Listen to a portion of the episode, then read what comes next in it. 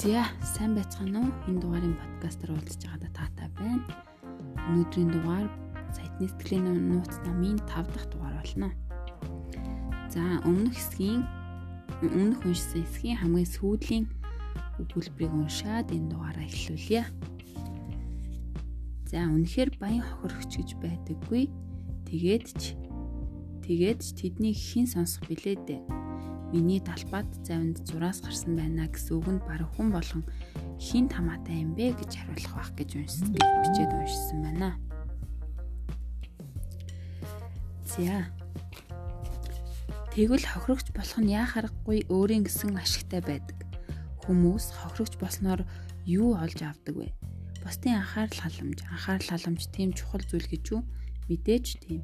Ямар нэг хэлбэрийн анхаарал халамжийг хүртэхийн тулд л хүмүүс амьдрдаг шүү дээ хүмүүс бусдын анхаарал халамжийг хүртэхийн төлөө амьдардаг нэг шалтгаан нь тэд шалтгаан нь тэд нэг том алдаа гаргасан доршдог. Энэ алдааг бид бараг бүгд гаргасан байдаг. Бид анхаарал халамжийг хайртай андуурдаг. Та байн бусдын анхаарал халамжийг хүсэж байгаа бол жинхнээс аз жаргалтай байх бараг боломжгүй гэдэгт итгээрэй. Та анхаарал халамжийг хүсэж байгаа бол бусдын нөлөөнд байна гэсэн үг юм.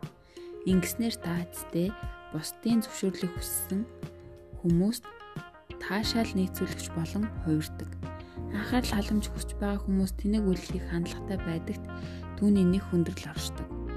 Хит хитэн шалтгааны улмаас анхаарал халамж ба хайрыг салгаж ойлгох нь зайлшгүй зүйл юм аа. Нэгдүгээрт та илүү амжилтанд хүрнэ, хоёрдугаарт та илүү аз жаргалтай болно. Гуравдугаарт та өөрийн амьдралаас жинхэнэ хайрыг олж авна анхаарал халамж хайр хоёрыг андуурдаг хүмүүс ихэнхдээ би бинээ жинхэнэ хайраар хайрладаггүй.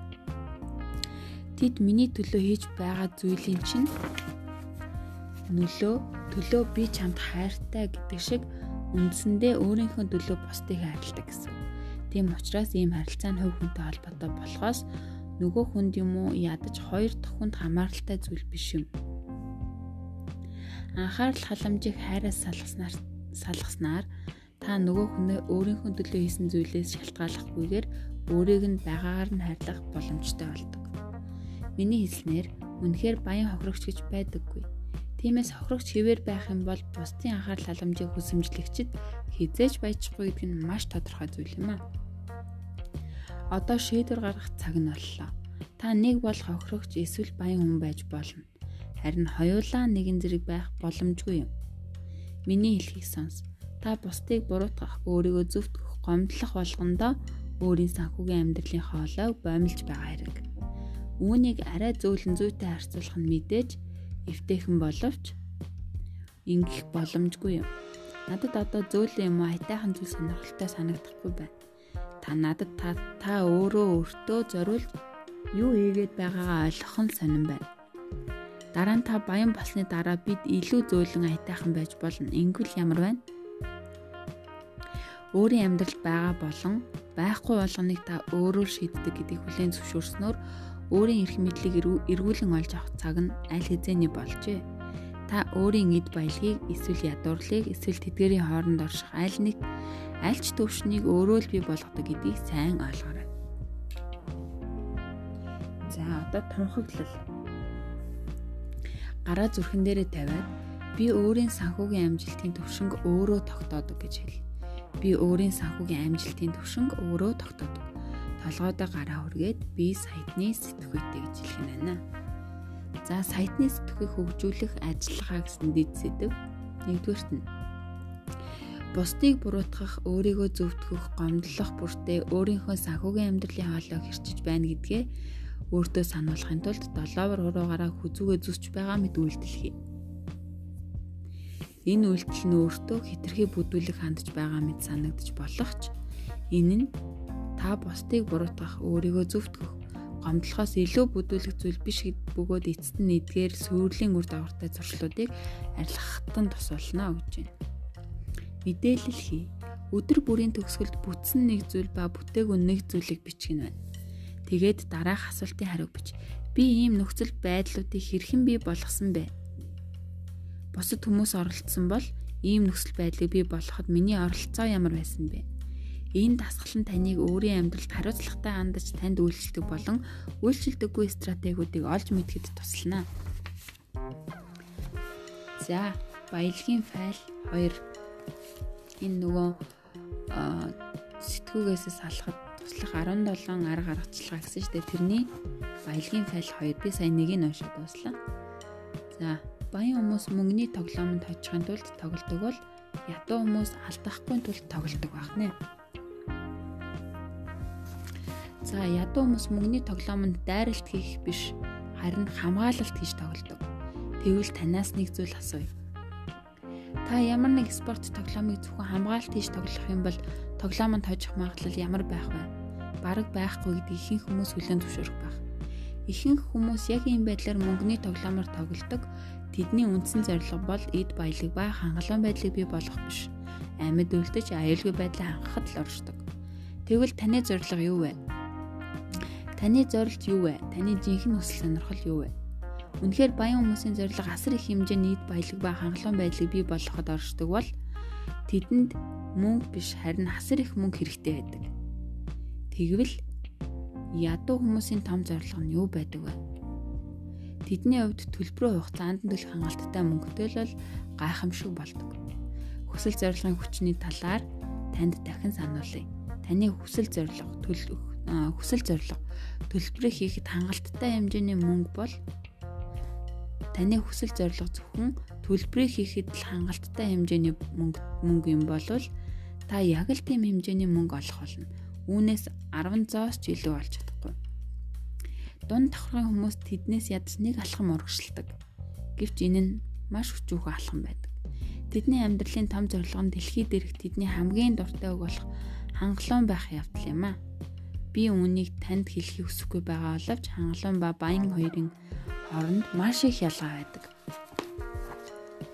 Би үүнийг анханасаа л мэддэг байгаагүй гэдгийг хүлээн зөвшөөрч байна. Өөрийгөө энэ номыг бичих хэрэгтэй гэж боддог нэг шалтгаан минь энэ гурван ангилалд бүгдд нь багтаж чадсан миний түүх гэж нэг юм би. Би өөрийн машинд түр шийхийн тулд 1 доллар зээлдэг тийм ядуу байсан. Гэвч энэ талаар баг зэрэг тодруулъя. Нэгдүгээрт энэ нь миний өөрийн машин биш байсан. Хоёрдугаарт тэр 1 доллар 4 25 цент байсан юм. Төлөх нь цент байсан юм а. Насан турсан хүн төлж авахын тулд 4.25 цент төлөх нь хичнээн санаа зовмор да төсөөлж байгаа үсттэй. Шахуургын дэргэд байсан хүүхэд над руу автомат машин эвдэж мөнгийг нь авсан хүнийг харж байгаа мэтээр л харж толгоос ихсрэн инээж байсан.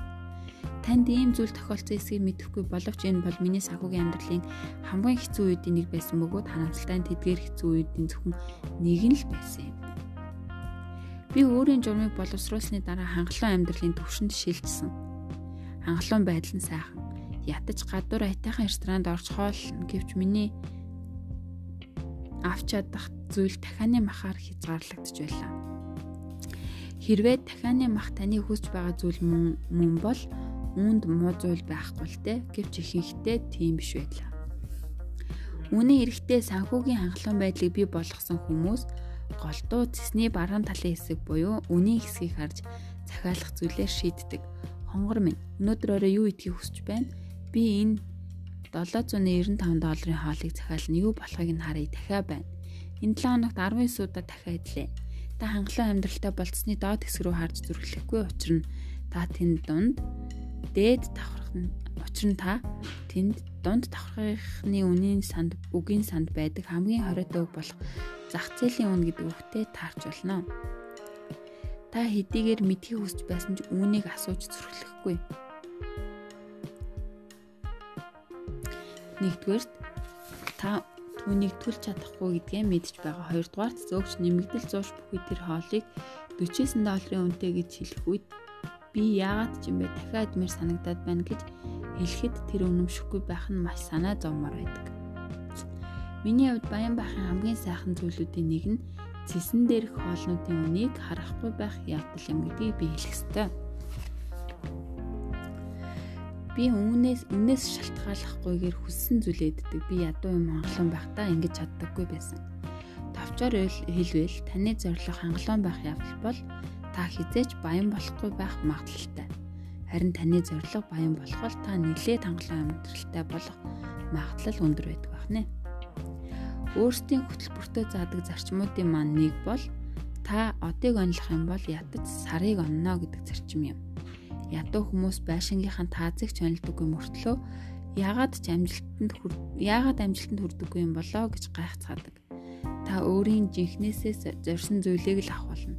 Та баян болохыг хүсэж байгаа бол таны зорилго баян байх ёстой.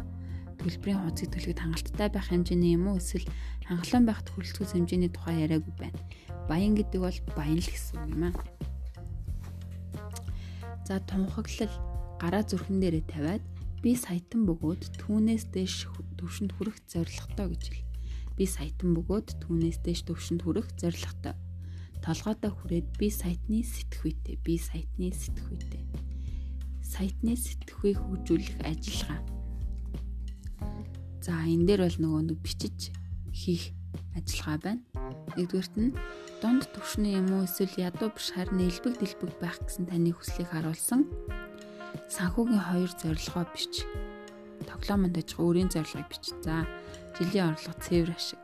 Эдгээр зорилгоодыг хэрэгжүүлэх бодиттой хугацааг тогтоохын гэхдээ одыг онлоорой. За, дээд зэрэглэлийн зэрэглэлийн ресторанд орж үнийг нь асуулгүйгээр зах зээлийн үнэтэй хоол захиал. Хэрвээ санхүү муу байгаа бол хувааж төлж болно. Тайлбар дахиа бүү ав гэсэн.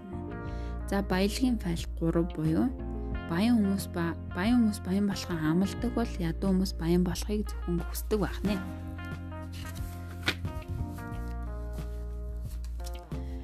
За ихэнх хүмүүсээс баян болохыг хүсэж байгаа эсхийг нь асуувал хүмүүс таныг галзуурсан мэт харах болно. Тэд мэдээж баян болохыг хүсэж л таараа шүү дээ гэж хэлнэ. Гэвч ихэнх хүмүүс баян болохыг жинхнээсээ хүсдэггүй. Яагаад? Учир нь тэдний далд ухамсарт баян байх нь ямар нэг буруу зүйл мэт ойлгуулдаг сөрөг файлууд байдаг. Саятны сэтгүүн семинарын үедээ бидний хүмүүсээс асуудаг нэг асуулт бол баян байх юм уу, баян болохыг хүсхийн сөрөг талууд нь юу байж болох вэ гэдэг асуулт байдаг юм. Үүнд өгдөг хүмүүсийн хариултуудыг энд танилцуулъя. Тэдгээрийн айл нэг нь танд хамаатай эсхийг нь шалгаарай гэж байна.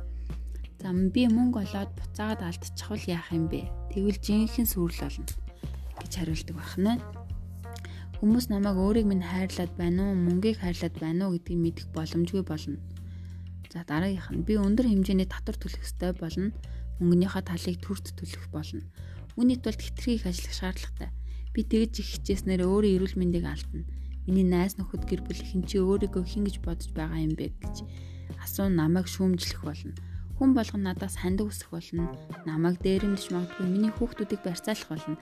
Энэ нь хитрхи их хариуцлага авчрах болно. Би тэр бүх мөнгийг зохицуулах хэрэгтэй болно. Би хөрөнгө оруулалтын талаар сайн мэдэх шаардлагатай болно. Би татварын стратеги ба хөрөнгийн хамгаалалтын талаар санаа тавьж өндөр үнэтэй нэхлэн бодогчд ба хуульчдыг хүслэх болно. Бөөн чирэгдэл. За хариултууд энэ байдлаараа эцэс төгсгөлгүй үргэлжлэнэ. Түрүүнд хэлсний дагуу бид бүгдээрээ өөрсдийн оюун ухаанд баялагын файлтай байдаг. Энэ файлд бидний итгэл үнэмшил төр дундаа баян байхын давуу талуудын тухай мэдээлэл байдаг. Гэхдээ олон хүмүүсийн хувьд энэ файлуудад баян байх нь яагаад тийм сайхан биш болох тухай ойлголтууд мөн хадгалагдаж байдаг. Нь тэдний толгойд эд баялагын тухай холимог мэдээлэл байдаг гэсэн үг юм. Тэдний зарим нь хөгжилтэйгээр илүү их мөнгөтэй болсноор амьдрал илүү хөгжилтэй болно гэж хэлдэг бол нөгөө хэсэг нь тийм ээ. Гэвч би илжих шиг л ажиллах шаардлагатай болно. Энэ нь юун сайхан байх вдэ гэж хэлнэ. Бас нэг хэсэг нь би дэлхийд даяар аялах боломжтой болно гэх нөгөө хэсэг нь дундуур орж ирэн гэвч хүн бүр ханд өсөх болно шүү дээ гэж дуурна. Эдгээр холимог мэдээлүүд гэм хоргоо мэд санагдах боловч үнэн хэрэгтээ тэдгээр нь ихэнх хүмүүсийн баян болдоггүй болдоггүй нэг том шалтгаан юм. Та үнийг дараах байдлаар ойлгож болно. Хорвоо ертөнц бол асар том шуудангийн захиалт захиалгын газар л гэсэн үг. Тэр тань руу тасралтгүй янз бүрийн хүмүүс үйл явдлууд, эд зүйлсийг авчирдаг. Та өөрийн гол ихтгэл үнэмшилтээр тулгуурлан хүчрхэг мэдээллийг ертөнцид илгээж өөрийн авах зүйлийн цагаалгыг өгдөг. Хорвоо ертөнд таталцлын хуулийн дагуу таны хүслийг зөвшөөрч дэмжлэг үзүүлэхийг хичээдэг. Гэвч таны файлд холимог мэдээллүүд байвал хорвоо ертөнд таны хүсэж байгаа зүйлийг ойлгохгүй. Хорвоо ертөнд таны баян болохыг хүсэж байгаа тухайн мэдээллийг авч эд баялаг бий болгох боломжуудыг танд илгээх боловч удалгүй баян хүмүүс шуналтай гэсэн таны бодлыг хүлээж аваад мөнгөгүй болоход танд туслаж эхэлдэг. Гэтэл их мөнгөтэй босноор амьдрал хамаагүй илүү сонирхолтой болно гэж бодоход учрыг нь олгоо байсан хорвоо ертөнд танд илүү илүү мөнгө олох боломжуудыг илгээнэ. Дараагийн өдөр та сэтгэлээр унсан байдалтай байхдаа мөнгө бол чухал биш гэж бодно. Ингээд урам нь уурсан ертөнд наад бодлоо цэгцлээж би чиний хүссэн зүйлийг өгнө. Надад зөвхөн юу өсч байгаагаа хэлээдэг гэж ашигрна. Ихэнх хүмүүс хүссэн зүйлээ авч чаддаггүй хамгийн том шалтгаан нь тэр хүмүүс юу өсч байгаагаа мэддэггүй доршдог юм аа. Баян хүмүүс эд баялыг хүсч байгаа нь маш тодорхой байдаг. Тэдний хүсэл өөрчлөгддөггүй. Тэд эд баялыг бий болгохын төлөө зүтгэдэг. Тэд эд баялагтай болохын тулд хууль журам, ёс суртахуун, ёс зүйд нийцэх бүх зүйлийг хийдэг Баян хүмүүс ертөнц рүү холимог мэдээлэл илгээдэггүй. Харин ядуу хүмүүс тэгдэг. Дашрам дэлхийд та энэ номыг уншиж байгаа таны дотор хүн баян хүмүүс хууль журам, ёс суртахуун, ёс зүйд нийцэж байгаа эсхийг хайхардаггүй гэж хэлж байгаа бол та энэ номыг уншсанаар зөв зүйл хийж байна гэсэн үг. Энэ нь хичнээн хор хохиролтой бодол болохыг та удахгүй мэдэх болно. Баялагын зарчим. Ихэнх хүмүүс хүссэн зүйлээ авч чаддаггүй хамгийн том шалтгаан бол тэр хүмүүс юу хүсэж байгаагаа мэддэггүй доршно гэж. Ядуу хүмүүсийн хувьд баян болох нь хүндрэлтэй асуудал үүсгэж болох олон шалтгаан байгаа. Тиймээс тэд үнэхээр баян болохыг хүсэж байгаа эсгээ 100% итгэлтэй байж чаддаггүй. Тиймээс тэд үнэхээр баян болохыг хүсэж байгаа эсэгтээ 100% итгэлтэй байж чаддаггүй гэж байна. Тэдний ертөнцид илгээх мэдээлэл нь тодорхой бус байдаг тэдний бусдад өгөх мэдээлж гэсэн тодорхой бус байдаг. Яагаад ийм тодорхой бус байдал үүсдэг вэ? Учир нь тэдний өөрсөддөө өгч байгаа мэдээлэл нь тодорхой бус байдаг. Өмнө нь бид хүсэл зорилгын хүчний талаар ярьсан. Итгэхэд бэрх гэдгийг би мэдж байгаа боловч хүн үргэлж хүссэн зүйлээ л авдаг. Гэхдээ хүссэн зүйл гэж хэлж байгаа зүйлс зөвхөн биш а гэхдээ хүссэн гэж хэлж байгаа зүйлс биш дотоод ухамсартаа хүсэж байгаа зүйлийг л авдаг. Та нэгэрс эсрэг үзэж энэ бол утгагүй зүйл Би яалаа гэж зов зүтэрхийг хүсэх юм бэ гэж хариулах баг. Үүнд өгөх миний хариулт яг ижил та яагаад зов зүтэрхийг хүсэж байгааг би мэдэхгүй. Та үүний шалтгааныг мэдхийг хүсэж байвал саяны сэтгэхүйн семинар сууж мөнгөний талаарх өөрийн суур итгэл үнэмшлээ тодорхойлохыг урьж байна. Тэгвэл хариулт нь таны нүдэн дээр ил гарч ирнэ. Шулуухан хэлэхэд та өөрийн хүсэж байгаа гэж ярьж байгаа эд баялгаа бий болгож чадахгүй байгаа бол Та нэгдүгээр дотоод ухамсартай эд баялагийг жинхнээсээ өсөхгүй байгаа бөгөөд хоёрдугаарт түүнийг бий болгохын тулд хийх ёстой зүйлүүдийг хийх эрмэлзэлгүй байгаа байх магадлалтай байна. Үнийг үргэлжлүүлэн судлаж Хүслийн 3 төвшин байдаг. Эхний төвшин би баян болохыг хүсэж байна гэсэн хүсэл. Өөрөөр хэлбэл хэрвээ миний гарт орж ирэх юм бол би түүнийг авнаа гэсэн утгатай үг. Зөвхөн хүсэх нь хангалтгүй юм. Хүсснээр заавал авдаг биш болохыг та ажигласан биз дээ мөн авахгүйгээр хүсэх нь хүслийг улам нэмэгдүүлдэг болохыг анзаараарай. Ингэснээр хүсэл нь зуршил болж эцэстээ юунд ч хүрдэггүй өөрийгөө тойрон эргэсэн гохцоог үүсгдэг. Бид баялаг зөвхөн хүснээр бий болдоггүй. Үүнийг үнэн гэдгийг яаж мэдчих байгаа юм бэ? Энэ нь нэгэн энгийн баримтаас харагддаг. Олон тэрбум хүмүүс байцгааг хүсдэг боловч харьцангуй цөөхн л баян байдаг. Хүслийн хоёр дахь түвшин бол би баян болох сонголт хийж байна гэсэн хүсэл юм. Энэ хүслийг баян болгох шийдвэр дагалддаг. Сонгох нь хамаагүй хүчтэй ирч хүч бөгөөд өөрийн бодит амьдралыг бий болгох хариуцлагатай үргэлж хамт явж байдаг. Шийдвэр гэдэг нь латин хэлний бос бусад хувилбаруудыг устгах гэсэн утга. Устгах гэсэн үгнээс гаралтай. Сонгох нь илүү дээр үйлдэл боловч хамгийн сайн биш Хүслийн 3 дахь төвшин би баян болохын тулд зүтгэн гэсэн юм. Зүтгэн гэдэг нь өөрийгөө бүрэн зориулна гэсэн үг. Энийг юугаач харамлахгүйгээр эд баялагийг бий болгохын тулд өөрт байгаа зүйлийг зориулна гэсэн. Энэ нь хичнээн удаан хугацаагаар ч хамаагүй шаардлагатай бүх зүйлийг хийнэ гэсэн үг. Энэ бол дайчдын сэтгэхүй. Ямар ч зөвтгөх шалтгаан, ямар ч нөхцөл байдал, ямар ч эргэлзээ байх ёсгүй бөгөөд алдаа гаргах сонголт байдаггүй. Дайчдын сэтгэхүй маш энгийн байдаг. Эсвэл баян болно, эсвэл түүний төлөө зүтгээд өгнө. Та өөртөө би баян болохын тулд зүтгэнэ гэж хэлээд үзээрэй. Танд юу мэдрэгдэж байна вэ? зарим хүмүүс илүү хүчтэй болж байгааг мэдэрдэг. Зарим хүмүүсийн хувьд энэ нь аймаар санагддаг. Ихэнх хүмүүс хизээж баян болохын төлөө зүтгэдэггүй. Хэрвээ та тэднээс дараагийн 10 жилийн хугацаанд та баян болно гэж амь насаараа мөрий тавих уу гэж асуухад тэдний ихэнх нь огт үгүй гэж хариулна. Энэ бол баян хүмүүс ба ядуу хүмүүсийн ялгаа юм. Хүмүүс баян биш бөгөөд хизээш баян болохгүй байх шалтгаан нь тэдний баян болохын төлөө жигнэсээ зүтгээгүй дөршдөг. Зарим хүмүүс хаарав чи юун тухай яриад байна? Би сүхүрч унтлаа ажиллаж байна. Би мэдээж баян болохын төлөө зүтгэж байна гэж хэлж болно. Тэгэхэд нь би та нарын хичээж байгаа гэдэг чинь баг байна. Зүтгэх гэдэг өөрийгөө бүрэн зориулах гэсэн утгатай гэж хэлдэг. Бүрэн гэдэг үг хамгийн гол үг юм. Энэ нь та үүний төлөө өөрт байгаа бүх зүйлийг зориулна гэсэн үг юм. Миний мэдх санхүүгийн амжилтанд хүрдэггүй ихэнх хүмүүсийн альва зүйлийг хийх хүсэл эрмэлзэл, эрсдэл хүлээх хүсэл эрмэлзэл, альва зүйлийг золиослох хүсэл эрмэлзэл хязгаарлагдмал байдаг. Хэдийгээр тэд зорилготой хүрэхин тулд юу ч хамаагүй хийнэ гэж боддог боловч гүнзгийрүүлэн асууснаар би тэдний амжилтанд хүрэхин тулд шаардлагатай зүйлийг хийх болно. Хийх болон хийхгүй байх зоригтой болохын тулд олон янзын нөхцөл тавьдаг болохыг нь олж мэдсэн юм а. Би танд үүнийг хэлхийг хүсэхгүй байгаа боловч баян болох нь цэцэрлэгт гудамжаар зугаалахтай адил зүйл биш бөгөөд танд үүнийг амархан гэж хэлж байгаа хүн надаас хамаагүй илүү зүйл мэддэг эсвэл баг зэрэг шудраг бус хүн байж таарна. Миний туршлагаар бол баяжхад төвлөрөлт, эр зориг, мэдлэг, ур чадвар 100% хүчин чармайлт хизээч бууж өгдөггүй зан чанар мөн мэдээж баян сэтгэхүй шаардлагатай. Та мөн эд баялгийг бий болгож чадах ба ингэх бүрэн ихтэй гэдэгтээ сэтгэл зүрхний гүнээсээ итгэсэн байх ёстой.